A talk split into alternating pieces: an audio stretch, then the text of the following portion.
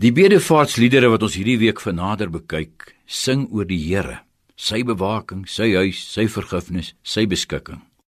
En dan tussen hierdie psalms wat sing oor ons band met die Here, skielik Psalm 133 wat ook sing, maar wat sing oor mense, oor ons band met mekaar. Hoe goed, hoe mooi is dit dat broeders eensgesind saamwoon. Dis soos die reukolie wat van die kop af in die baard afloop van 'n Aaron. Dis soos die dou van die Hermonsberg wat op Sion val. Sou hierdie 'n versigtiging wees van Dawid? Dawid die digter, hy het soveel die teendeel ervaar. Sy seuns het onmin en rusie gehad. Selfs die wapens opgeneem te mekaar en sy huis verskeur. Maar nou hier, hier waar die pelgrims saam is in Jerusalem, is die versigtiging die lied oor broers wat in vrede en liefde saamwoon. Dis so wonderlik anders.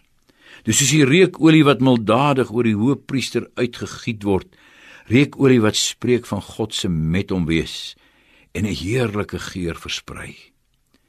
Dis so verfrissend soos die dou neerslaap op die Hermon wat lewe gee soos die reën. Dink weer daaraan. Hoe wonderlik dat mense in liefde saamwoon wanneer hulle mekaar opbou en koester, broers in vrede en liefde, dit verander die wêreld om jou. Dit gee vreugde in jou ouers se hart, dis soos dou wat versag en voed. Pas dit maar toe in jou lewe met jou kollegas by die werk, jou familie, die verskeidenheid van mense in ons land. Pas dit toe in jou gemeente met hulle wat in Christus jou broer en jou suster geword het. Broederliefde Dit is iets om 'n hele Psalm oor te skryf. Want sê die Psalm, waar broers so saamwoon, gee die Here sy seën. Hy seën ons liefdevolle saamwees. En die seën loop oor na jou hele lewe, 'n vredevolle lewe is 'n geseënde lewe. Hoeveel te meer nou dat Jesus Christus nie net mens met God versoen het nie, maar ook mens met mens.